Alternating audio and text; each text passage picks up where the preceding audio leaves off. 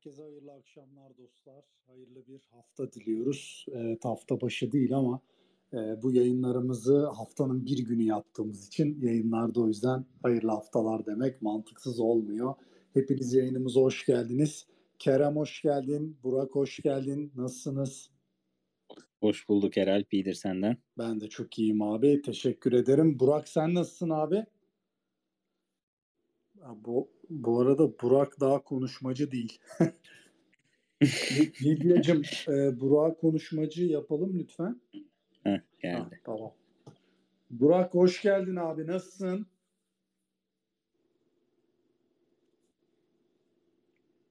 Burak. Burak seninle konuşmak istemiyormuş abi. Galiba öyle gözüküyor. Murat abi de geldi bu arada. Murat abi de daha henüz konuşmacı değil, dinleyici. Neyse biz de bu esnada e, paylaşımlarımızı yapalım son bir kere. E, ondan sonra da başlayalım. Birkaç dakikaya başlıyoruz arkadaşlar. Zannediyorum artık Murat abiyle Burak konuşabilirler. E, Murat abi, Burak hoş geldiniz. Hoş bulduk. İyi akşamlar herkese. İyi Burak, akşamlar. Burak hala konuşamıyor bu arada. Evet. Ben de ona bakıyordum. Eyvallah. Ee, tamam yavaş yavaş başlayalım. Burak herhalde müsait değil. Birazdan katılır. Ee, Burak geldiğinde bir el kol e, işareti yaparsın biz abi. Müsait olduğunu anlayalım. Ee, bu arada dostlar bugün açıkçası Kerem'le de Burak'la da genelde en azından ana hatlarıyla bir planlama yapıyoruz hani ne konuşalım falan diye. Ya bu hafta gerçekten hani çok böyle konuşmaya değer bir şey yok. Bir iki tane detay var. Onların üzerinden konuşacağız. Ee, önce e, dilerseniz Kripto Sosi'nin birinci e, yılını geride bıraktık. Çok kısaca ondan bahsedelim. Murat abiyle başlayalım. Ee, Murat abi biliyorsunuz Kripto Sosi'nin kurucusu. Ee, Murat abi Kripto Sosi'nin ilk yılıyla alakalı bir şeyler belki söylemek istersin. E, sonrasında senden e, algoritmik tarafta borsadaki botların aktivasyonlarıyla alakalı bilgi alalım. Sonrasında Kerem'le piyasa, Burak'la da bir iki tane bu haftanın e, konuşmaya değer verisi var. Onları soracağım. O şekilde bitirebiliriz. E, buyur Murat abi söz sende abi.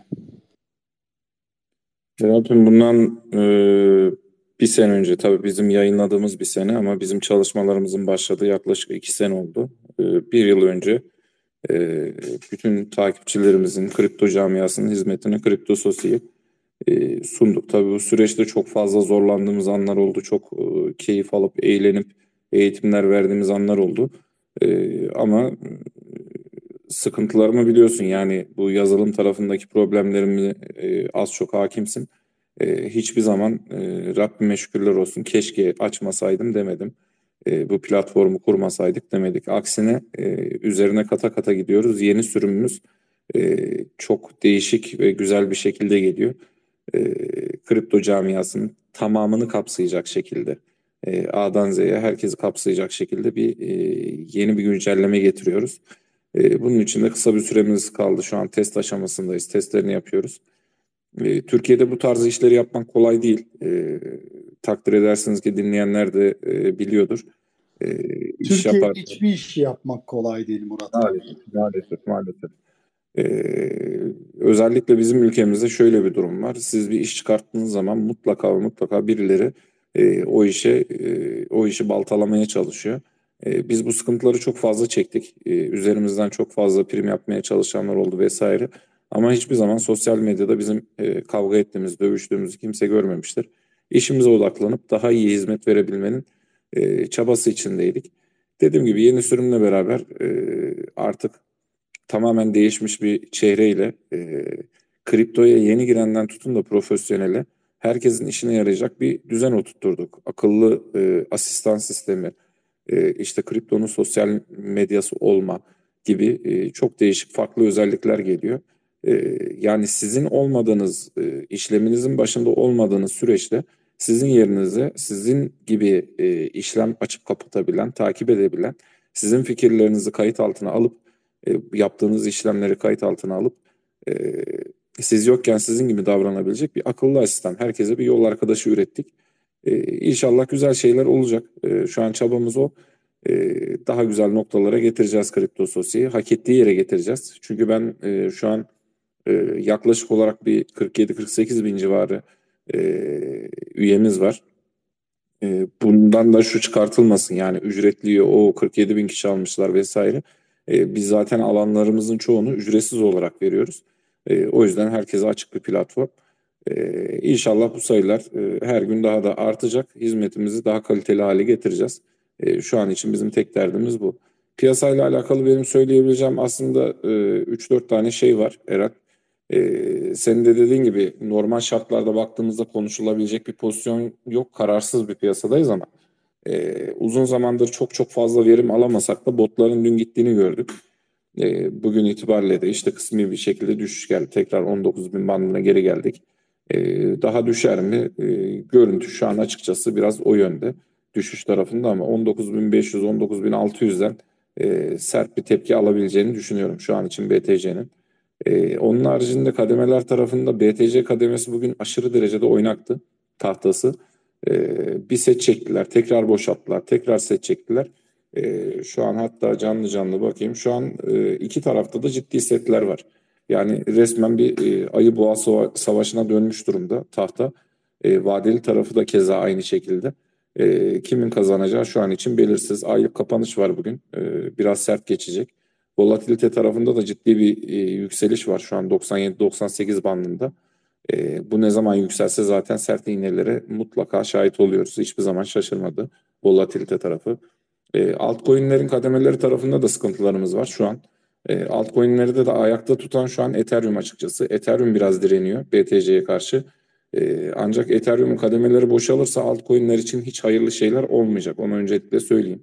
E, sert düşüşler gelebilir çünkü altcoin'lerin kademeleri ciddi oranda boş. E, şu an Ethereum sayesinde biraz ayakta duruyor. E, bugün kapanıştan sonra yönümüzü net olarak görebileceğimizi düşünüyorum açıkçası. Yani ne kadar düşer, ne kadar yükselir onu net olarak söylemek imkansız ama e, kapanıştan sonra, ayrı kapanıştan sonra bir e, sert hareketler göreceğiz diye düşünüyorum. E, tabii bizim de sağdan soldan aldığımız şeyler var, e, bilgiler var, duyumlar var, kendi analizlerimiz var. E, söylentiler üzerinden gideceğim sadece. E, konuşulan rakamlar 23.500 bandından tekrar aşağı çok sert bir şekilde düşüş geleceği yönünde bir e, güvendiğim kaynaklardan diyeceğim e, söylentiler mevcut. Ya oraları şu an görür müyüz bilmiyorum açıkçası ama e, piyasa şu an yön olarak e, aşırı derecede kararsız. E, ama benim şahsi fikrim yani şu görüntüde biraz aşağı doğru e, iniş olacak gibi duruyor. Abi çok teşekkür ederim. E, bot aktivasyonu ile alakalı e, bir bilgilendirme yapmadın. Sadece kademeleri konuştuk. Borsa botları şu anda aktif mi? Son olarak onu sorayım. Botlarla alakalı yok. Ee, onu söyledim. Sanırım kaçırdım. Botlarımız aktif değil. Ee, son dönemde botlar tarafında zaten bir şeyimiz var. Ee, farklı bir şekilde çalışmaya başladılar. Botlar geldiği zaman işte piyasanın e, önceki gibi ani yükselişleri artık yok. Veya botlar gittiğinde ani düşüşler yok. Bazen fake hareketlerle tersi oluyor ama eninde sonunda bir düşüş görüyoruz veya bir yükseliş görüyoruz. Bunu botlara bağlamak artık e, şey gibi gelir yani e, insanların alıştığı bot sistemi şu an e, yok açıkçası. O yüzden biz de botların şu anki mantığını çözmeye uğraşıyoruz. Yani ne üzerine gidebilir, nasıl olabilir? En son mesela bot sisteminde şöyle bir şey keşfettik biz. Bot sinyali veren coinler en az düşen coinler oldu veya en çok mal toplanan coinler oldu. Sonrasında e, piyasa yükselirken en hızlı yükselen coinler oldu mesela. Bot sisteminde böyle bir e, değişim gözlemliyoruz açıkçası. Özür dilerim. Bugün eğer düşüş gelirse çünkü dün gitti botlarımız e, düşüş gelirse aynı mantık eski mantık devam ediyor olarak e, bakabiliriz. E, şu an o eğilimde e, dediğim gibi aylık kapanışı görmeden de botlarla alakalı net bir şey söylemek e, şu an imkansız. E, geçen aydı sanırım e, yaklaşık olarak 29 gün gitti. 29 gün boyunca yoktu botlar. E, o dönemde biz e, bot tarafında hiçbir şey tespit edemedik e, işte tahtalara göre artık analiz yapıp ona göre coin paylaşmaya başladık. E, ama şu an dediğim gibi belirsiz bir durumda bot tarafı da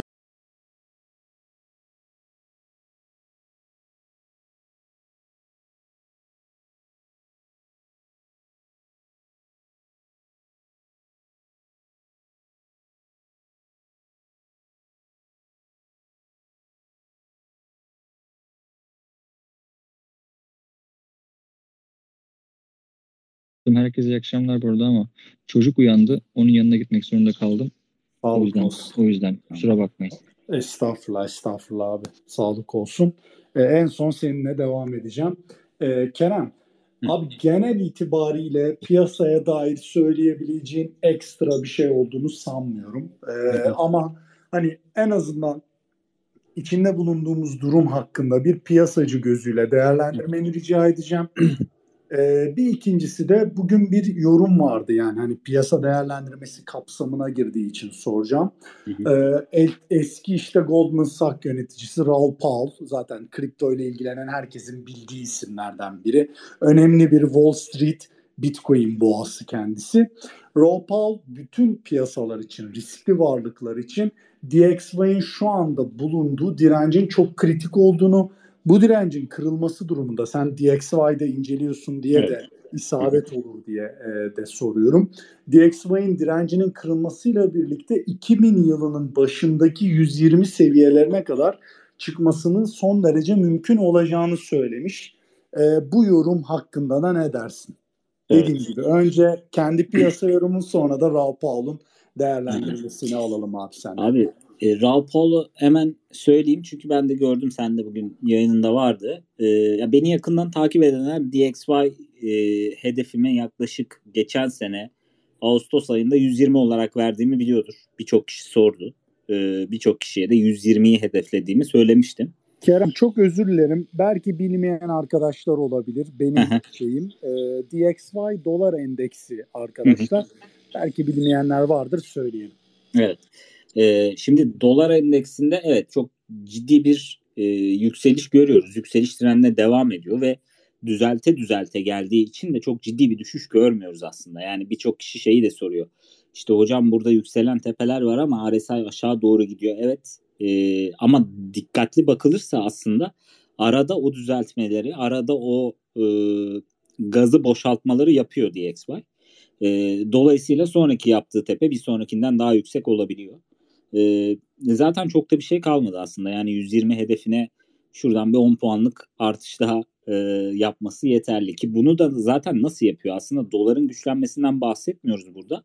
E, endeksin içindeki diğer para birimlerinin kuvvetinin e, giderek kaybolmasından bahsediyoruz. Mesela euro, mesela Japon yeni e, gibi para birimlerinin aslında dolar karşısında güçsüzleşmesiyle dolar endeksinin e, yükseldiğini görüyoruz.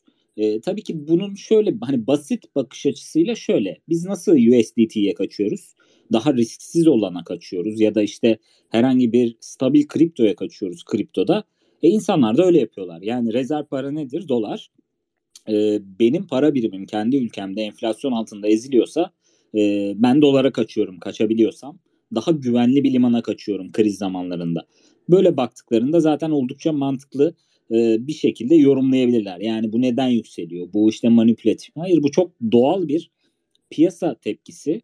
E, en nihayetinde zor bir döneme giriyoruz ve en güvenilen e, yani en azından şu an için herkesin en çok güvendiği ne kadar e, Amerika'nın borcu yüksek olsa da ne kadar aslında e, aslında bir e, geri dönülemeyecek bir borç döngüsüne debt spiral dediğimiz e, bunun tam çevirisi e, borç döngüsü mü yani ölüm ölüm çemberi gibi derler ya hani Luna'nın girdiği aslında. Evet, evet. Bo- borç e, yani borç sarmalı herhalde. Evet doğru borç olabilir. sarmalı borç sarmalı. Ee, aslında buna giren bir ülkeden bahsediyor olsak da dünyanın durumu göze alındığında diğer para birimlerinin e, çöküşü, enflasyon altında ezilişi e, göz önüne alındığında oldukça doğal bir tepki. E, 120 beklenen bir hedef. Şimdi birkaç kişi daha tabii bunu dillendirmeye başlayınca yine de bakmak lazım. E, hani hedef orası mı olur? Daha keskin bir kriz sonrasında daha yüksek yerler mi olur bilmiyoruz. Ee, ama en nihayetinde buraya kadar yani bunu bir sene önce koysaydınız hedef anlayabilirdim ama Raul Paul 109'a gelmiş e, 120 olur diyorsa evet yani çok da benim için çok böyle enteresan bir tahmin yapmamış oluyor kendisi. Ee, onun dışında piyasa açısından şunu söyleyeyim ben neredeyse son bir haftadır 10 gündür e, hiç kripto tarafında zaten belli benim beklediğim yerler işte 200 haftalık hareketli ortalamanın altındayız. 111 DMA'nın altındayız. Birçok önem verdiğimiz önemli Fibonacci dirençlerinin altındayız. Yani dolayısıyla oralar geçilmeden e, zaten bir hareket etme en azından bir yatırımcı gözüyle bir piyasacı gözüyle alayım da yürüyeyim deme şansım en azından benim için yok. E, o açıdan daha çok Amerikan borsalarını takip ediyorum. Önümde hep işte S&PX, Nasdaq, e, Dow Jones. Bunlar açık. Bunlara bakıyorum ki bunlardaki aslında bir tanesine de baksanız yeterli. Genel itibariyle e, yani yapı şuydu. E, yukarıdan aşağı düşen bir trendimiz, büyük bir trendimiz vardı. E, yukarıdan aşağı çizdiklerinde zaten e, tepelerden çizdiklerinde bulabilirler. Aşağıda da bir trendiniz var. E, aşağıdaki diplerden gene oluşturabilirsiniz bu trendi. Buraya baktığımızda e, bir ayı piyasası rallisi yaşadık burada e, ve artık tam geldiğimiz son artık tepeye gelmişiz. 200 günlük hareketli ortalama var S&P yukarıda e, trend çizgisi var. E, ve o trendde zaten Powell'ın açıklamasında geldiği günden sonra bir kırılım gerçekleşti. E, bana göre olması gereken bir kırılımdı. O güne yorum gelmesi e, tabii e, insanlar böyle yorumlayı da, yorumlamayı daha çok seviyorlar. Ya işte Powell yorumunu yaptı düştü. Hayır aslında teknik zaten bize onu gösteriyordu. Oradan e, tepki alması çok normaldi. Ay, ayı piyasasındaysa hala. Zaten oranın kırılması bambaşka şeylerin konuşulmasına yol açacaktı. Riskli piyasalarda başka bir algının oluşmasına yol açacaktı. Bu olmadı. Teknik zaten buna izin vermedi. Powell'ın konuşmasıyla beraber de şu an aşağı doğru e, bir hareket yapıyoruz. Yani e, S&P e, ciddi bir düşüş var. Buradan bir e, %6 %7 civarında 3800 civarına bir düşüş e, S&P şu an herhalde 4000 civarında, 3900 e, 4000 civarında dolaşıyor. E, 3800'e gelmesi oldukça olası. E, zaten orası 150 haftalık hareketli ortalama. Sonrasında 200 haftalık hareketli ortalama ve altta diplerin oluşturduğu bir trend çizgisi var. E, yani o düşüş trendini tamamlaması çok olası e, önümüzdeki günlerde. Dolayısıyla orayı takip ettiğimizde de e, zaten Bitcoin özellikle Amerikan borsaları açıkken ona göre hareket ediyor. E, onun dışında da çok volatil hareket ediyor. E, birkaç gündür zaten e, bunu da e, ben anlatıyorum arkadaşlara. E, yani likidite çok azaldı, hacim çok azaldı. E, fiyat hareketleri çok dar alanda hareket ettiği için içerideki yatırımcılar da genel itibariyle kaldıraçlara çok yükleniyorlar. Yani e, 300 dolarlık hareketi yakalamak için işte e, 50 kaldıraçla 100 kaldıraçla işlemler yapıldığında tabii çok volatil bir par- piyasa çıkıyor karşımıza. E, aynısı short işlem için çıkıyor. Aynısı long işlem için çıkıyor.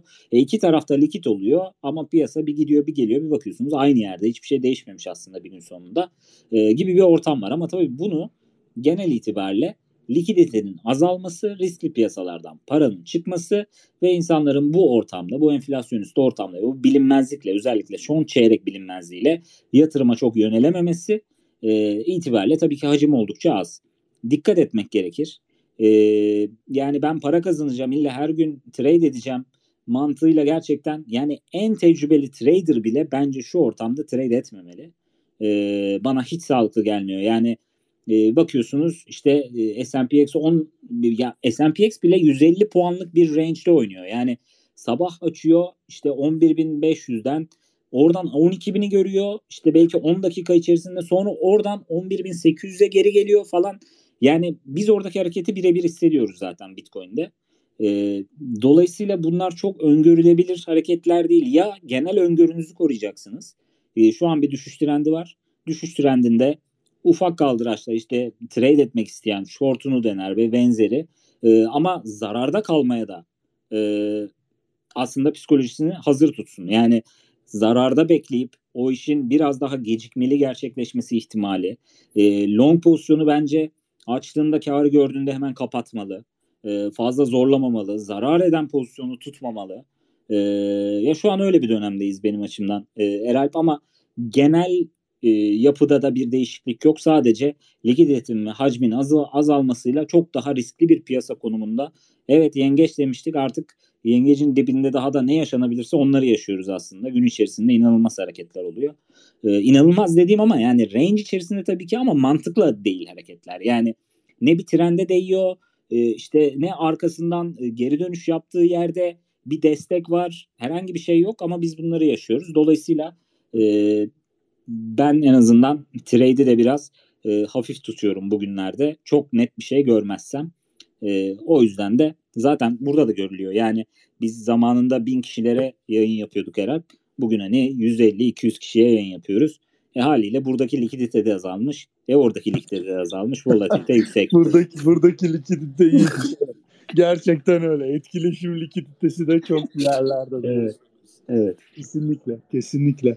Kerem çok teşekkür ederim Rica abi. ederim. Her zamanki gibi e, beklediğimden daha detaylı bir açıklama oldu. Sağ olasın abi. Rica ederim abi. E, Burak buradasın değil mi?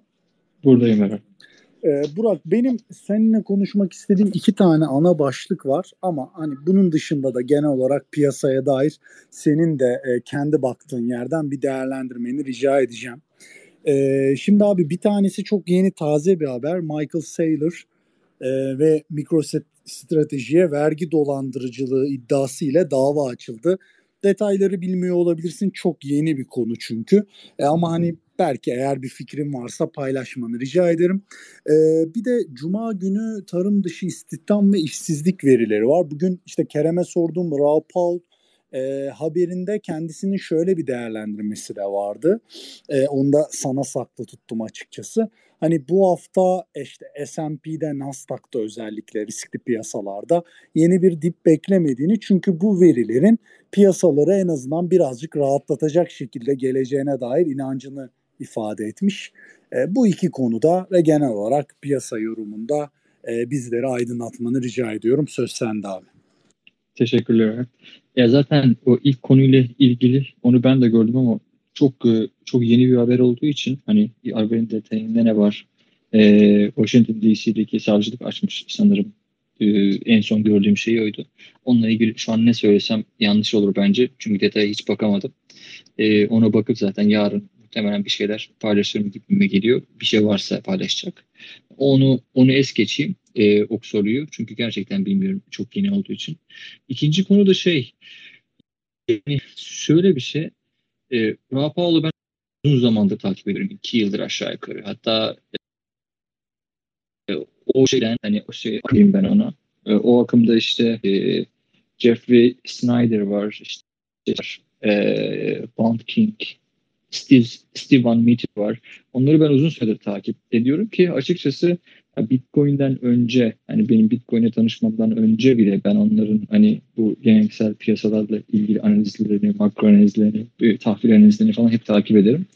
Şimdi e, şunu da söyleyeyim. Şimdi Rapal tabii ki de işte hani önemli bir insan vesaire. Ama şimdi onu gömeyim biraz. E, ya o sonuçta e, Covid'den sonra yani bu 2020'nin başından beri şey diyordu yani zaten. E, o zamanları takip etse e, edersek eğer yani işte bu Covid ile alakalı bir insolvency yani bu iflaslar gelecek. Çünkü e, ve tahvilleri çok ciddi oranda düşmesi yani 30 yıllık tahvilin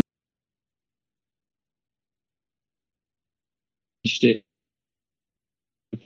Amerika birlikte e, bütün piyasaların çökeceğini, azalacağını, düşeceğini buradan da işte e, Avrupa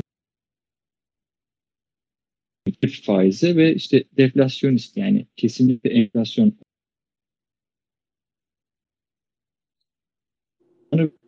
bunun altına Bende kesiliyor Burak'ın sesi bu arada. Evet bende de çok kesiliyor da e, acaba sadece benle mi ilgili dedim. Burak bayağı sesin kesiliyor abi. Acaba bağlantının daha iyi olabileceği bir yere geçebilme şansın var mıdır bilmiyorum tabii durumunu da şu anda.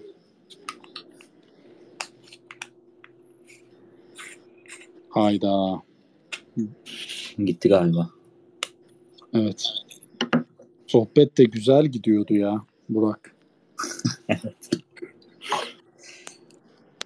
O ben gömeyim Eh, abi istiyorsan rahat ol. opportunity cost yani Nasdaq'tan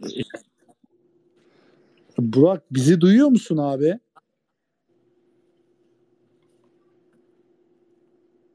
Hmm, Yok şu an dinleyici oldu zaten. Ee, tamam. Ee, yöneticimiz, admin arkadaşımız Burak'a hemen tekrar konuşmacılık verir misiniz lütfen?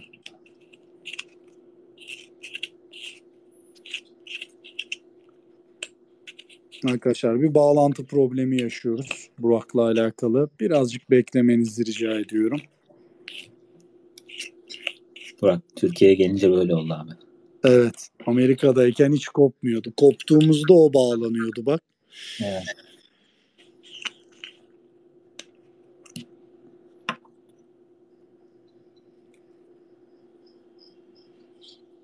Evet. e, Burak şimdi geldi abi Tamam. sesin. Buradasın değil mi? Şu an buradayım evet geldi. Ra Paul'u e, gömmeye başlamıştın. On, o e, andan itibaren hep böyle bozuldu. Hadi ya. Sistem herhalde engelliyor senin Evet, gömmeni Ra. Evet evet. Twitter şey yaptı. Ee, en son nerede kaldım hatırlamıyorum ama hani iki yıl önce Ra Paul işte e, ve onun hani o, o ekip ya bu şu an söylediği şey yanlış çıkacak anlamına gelmiyor. Şunu söylemek istiyorum. Ee, yani iki yıl önce de zaten piyasaların düşeceğini o zaman da işte bu insolvency şeyin geleceğini yani bütün bu Covid döneminde batması gereken ama kredilerle batmayan şirketlerin kredileri ödemeye başladıktan sonra büyük bir iflas dalgasıyla batacağını iddia ediyordu ve bunun da işte para basmayı daha fazla hızlandıracağını, tahvillerin de daha fazla düşeceğini yani tahvil faizlerinin daha fazla düşeceğini söylüyordu 10 yıllıkların ve 30 yıllıkların. Bu olmadı.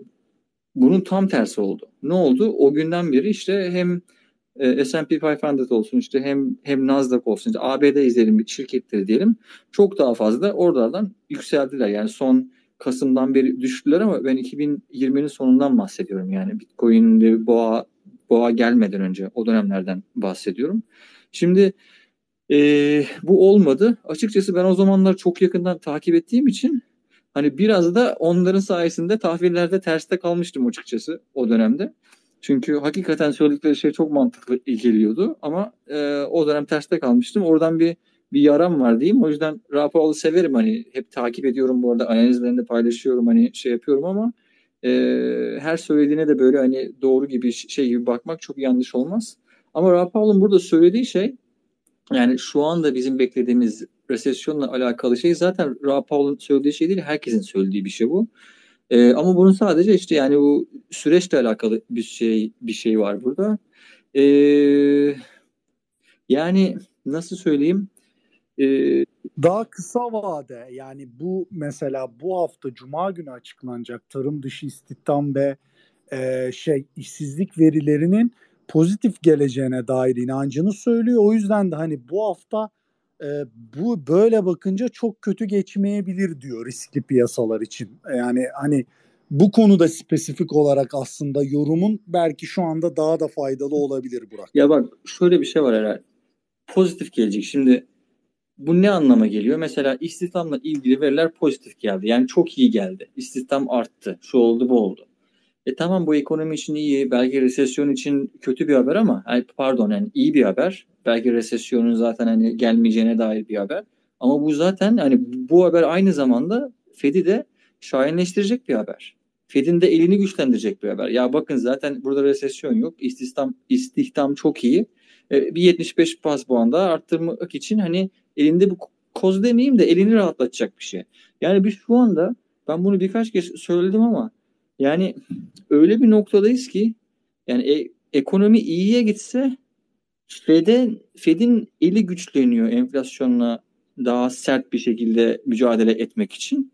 Ekonomi kötü gitse yani resesyon gelse sallıyorum 3 ay sonra e, o zaman da resesyonla birlikte her şey düşecek. Ama biz resesyon olsun ki Fed FED geri adım atsın ki merkez bankaları tekrar para, baya, para basmaya başlasın. Ondan sonra o para da Bitcoin'e ve riskli varlıklara kaysın.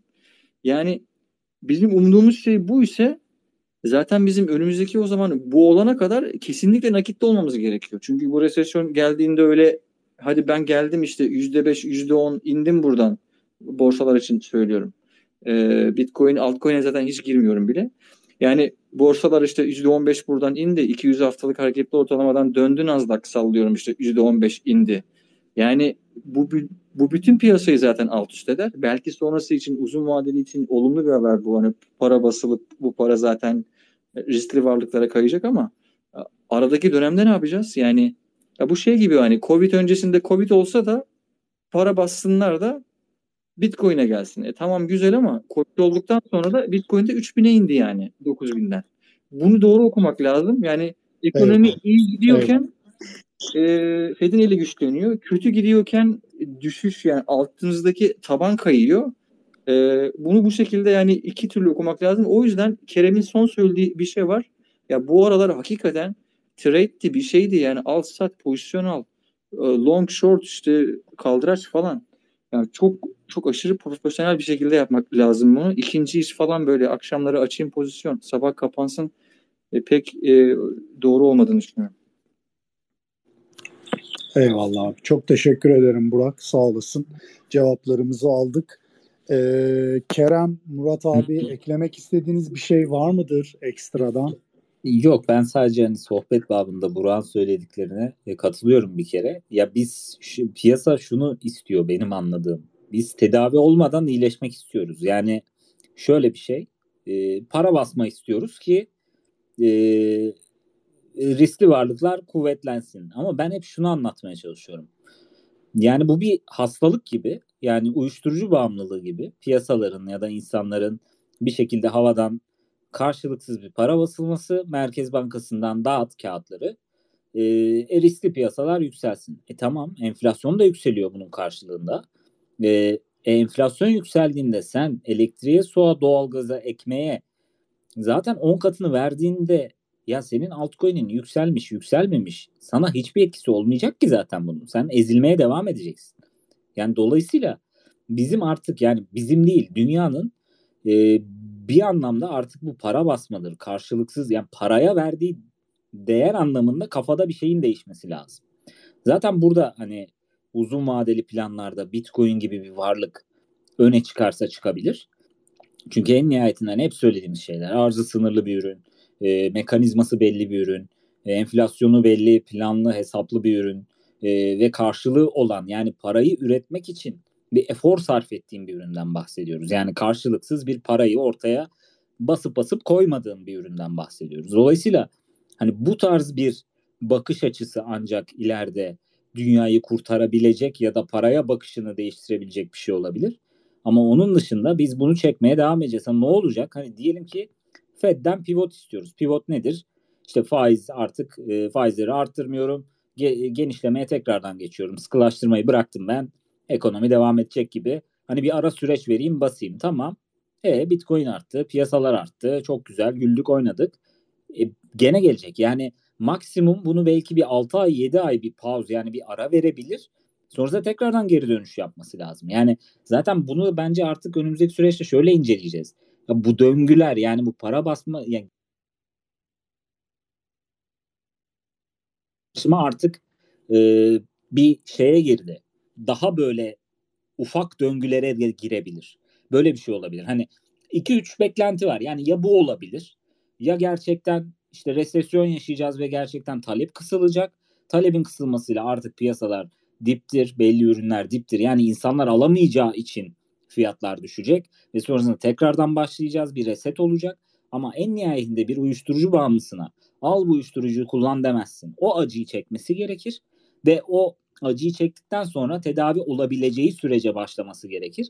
Bizim aslında beklediğimiz hani Merkez Bankası'ndan bunu beklersin. Oraya bir insan koyduysam ben ve bir biri parayı yönetecekse, biri ekonomiyi yönetecekse bari bunu yap diyorum ben.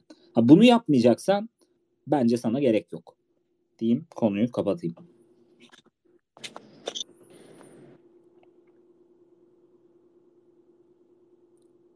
Bitti herhalde. Kimse konuşmadı. Ha, duyuyor musunuz abi? Özür ben herhalde mikrofonu açmadım. Duyuyor duyduk, musunuz duyduk, evet. Bu son söylediğine ben de yani hani sen de zaten e, aynı minvalde bir şeyler söyledin ama tam olarak bu metaforu kullanan çok kısa bir video denk geldi geçen gün. O da yani uyuşturucu bağımlılığıyla bu para basmayı e, şey yapmış. E, birlikte almış. İkisinde de şeyi söylüyor. Orada söylediği şu. Yani önce ikisinde de şey olursunuz işte tatmin olursunuz bunu yaptığınızdan mutlu olursunuz ama uzun vadede mutlak surette bedelini ağır ödersiniz. Tam tersinde de işte para basma politikasından vazgeçme ve işte e, uyuşturucu bağımlılığından da vazgeçme sürecinde de çok acı çekersiniz en başta, çok sıkıntı çekersiniz ama uzun vadede mutlak surette ya iyi ki bırakmışım e, dersiniz diyor. E, belki sen de aynı e, metaforu dinledin evet. bilmiyorum. Hı hı. Ama yani hani çok gerçekten çok çok gerçekten doğru bir değerlendirme. Senle e, geçtiğimiz aylarda da hep bu konuyu konuşurken işte Fed'in gerekeni yapmadığını hep söylüyorduk. E hala da yapmadı nitekim. Gerçekten böyle yani hani e, çok majör böyle herkesi belki şoke edecek, belki gerçekten finansal piyasaların da canını okuyacak bir adım ve sonrasında uzun vadede buna bağlı olarak parasal sıkılaştırma ile düzelen ekonomiler mümkün olabilir ama yani açıkçası e, hani bu kadar FED politikaları politikayla yani e, hükümetlerle de iç içe girmişken e, dünyada bu kadar gerçek dışı bir e, ekonomi bilinci varken e, bana çok gerçekçi gelmiyor. Yani bu en son noktada artık gerçekten hani yapacak başka şey kalmadığında e, yapılacak bir şey gibi geliyor açıkçası. O vakte kadar hiçbir FED başkanının buna e, cesaret edebileceğini pek sanmıyorum. Evet yani e, bir de belki şu yani Fed'in bence önümüzdeki dönemde takip edeceğimiz e, en önemli değişimi de şu olabilir. E, bence %2 enflasyon beklentisi çok gerçek dışı bir beklenti haline almaya başladı. Yani hala aynı şeyi iddia ediyorlar ama e, bence sene sonuna doğru ya da en azından 2023 bilmiyorum ama bir %4'e %5, %4 aralığına enflasyon beklentisini çekmesi gerekecek gibi geliyor. Belki hani onu yavaş yavaş alttan mesaj olarak vermeye başlarlarsa işte o zaman belki bir şeyleri hani dönüyor mu diye konuşmaya başlayabiliriz ama tabii ki ben yine de bunun e, kalıcı bir süreç olacağını düşünmüyorum. En azından enflasyon altında yaşamaya devam edeceğiz ama belki buna göre bir yeni normal ekonomi e, yeni bir şey görebiliriz. Onları da e, izleyeceğiz diye düşünüyorum. Ama en önemli beklediğim şey bence bu %2 enflasyon beklentisinin biraz yukarı çekilmesi gerektiği. Evet, e, en azından en azından e, iyi bir kılıf olabilir. En azından biraz daha gerçekçi duruyorlar mı acaba dedirtebilir kamuoyuna. Evet. Doğru söylüyorsun. Peki e, Murat abi eklemek istediğin herhangi bir şey var mıdır? Derdim yok. Ee, yani şu an ekleyeceğim bir şey zaten yayının başında söyledim. Ha şeyi ekleyeyim. Ee, bu ara piyasada iş olmayınca, hareket olmayınca ben yazarlığa sardım biliyorsunuz. Ee, bir e, internet gazetesinde e, kriptonun gerçekleri diye bir e, yazı dizim var. E, her gün güncel olarak kripto ile alakalı, kripto piyasası ile alakalı e, gördüğümüz, gözlemlediğimiz, bildiğimiz gerçekleri paylaşıyoruz. Ee, arkadaşların e, onları okumasını tavsiye ederim. En azından gözlerinin biraz daha açılabileceğini, gerçekleri görebileceğini e, gönül rahatlığıyla söyleyebilirim. E, herkese hayırlı akşamlar diliyorum. E, ağzınıza sağlık. Benim söyleyeceklerim bu kadar kardeşim. Ben evet. okudum abi bu arada. Eline sağlık. Güzel olmuş yazı. Güzel giydirmiş miyim Kerem? Evet abi. Evet. Ellerinize sağlık abi. Teşekkür ederiz. Burak senin son olarak eklemek istediğin bir şey var mıdır abi? Ee, eğer bir cümle şey söyleyeyim. Bu Michael Saylor'a açılan dava e, DC'de açılmış. Yani bu federal bir davaya benzemiyor. E, Washington DC'deki yani eyaletteki e, Carl Rayson diye bir oranın Cumhuriyet Başsavcısı diyelim hani başsavcının açtığı bir şey. Onun şeyine baktım e, mesajına. Orada da şey yazıyor yani hani bu MicroStrategy 10 yıldır işte Michael Saylor burada yaşamasına rağmen hiç hiç vergi ödememiş. Bu yüzden de işte açıyoruz diyor. Son şeyde işte e, bunlar bu arada seçimle geliyorlar. Bildiğim bildiğim kadarıyla oradaki yani başsavcılar seçime giriyorlar, seçiliyorlar yani insanlar onlara oy veriyorlar. Bayağı politik e, politik yani politikacı gibi mesaj atmış işte. Burada yaşıyorsanız bu halkın vergilerine katkı yapacaksınız tarzı bir şey demiş. E, yerel olduğu için e, bildiğim kadarıyla e, federal yani şu an gördüğüm şey federal bir dava değil bu. Yerel bir dava buradan çok bir şey çıkacağını düşünmüyorum. Şu anda böyle bir şey diyeyim hani bu şekilde söyleyeyim. Çünkü sadece vergi ödemediği için dava açılmış. E, Amazon da ödemedi geçen sene yani hani bir dolar vergi ödemedi Amazon kaç milyar dolarlık kar olmasına rağmen e, yerel olduğu için açıkçası şey değil hani benim endişem diyeyim tırnak içerisindeki bunun yani kriptoya işte bitcoin'e etkisiyle ilgili endişem bir tek aşağı indi çünkü federal gibi gözükmüyor bu dava. Ama söylediğim gibi yarın daha detaylı açıklama yaparım. Eyvallah abi. Çok teşekkür ederiz. Bu ön bilgilendirme de yeterli. E, Amerikan politikasıyla alakalı da bilmiyorum izlediniz mi son olarak onu söyleyeyim. Hep de piyasa konuşuyoruz. House of Cards diye e, Kevin Spacey'nin oynadığı bir şey var. E, bir televizyon dizisi var. E, hangi grubundu HBO'nun olabilir? E, ben Netflix'te seyretmiştim. Yani onu onu mutlaka ve mutlaka insanların izlemesini tavsiye ederim. Yani böyle diyalog seven bir insansanız o e, senaryoların arka planındaki böyle farklılıklardan hoşlanan bir insansanız güzel bir tercih olabilir diyelim. Ee, evet, böyle evet, ben de çok beğenirim abi House of Cards. Çok güzel bir dizidir. Evet, ee, poli- politikayı merak eden. Yani bu arada sadece tabii ki Amerikan politikası hakkında da e, en azından işte stratejik olarak işte sayılar nerede ne zaman önemlidir nasıl hareketler yapılır ama genel anlamda her ülkede yaşayan insana bence hitap edebilir. Buradan da kendinize bir şeyler buluyorsunuz onun içinde. Abi kesinlikle. Senin... kesinlikle abi. Çok teşekkür ediyoruz. Dostlar katılımınız için teşekkür ediyoruz. Uzun zamandır en uzun space'imiz oldu. Ee, hep hatırlattığım gibi kayıt altına alıyoruz bu space'leri. Paylaştığımız linklerde kaydı oynat diye bir seçenek oluyor. Oradan dinleyebiliyorsunuz. Aynı zamanda birkaç gün içinde e, Google e, şeyde e, Apple Müzik'te Spotify'da da oluyor bir podcast olarak oradan da dinleyebiliyorsunuz. Teşekkürler katılımınız için. Hayırlı akşamlar, hayırlı haftalar. İyi akşamlar. İyi akşamlar.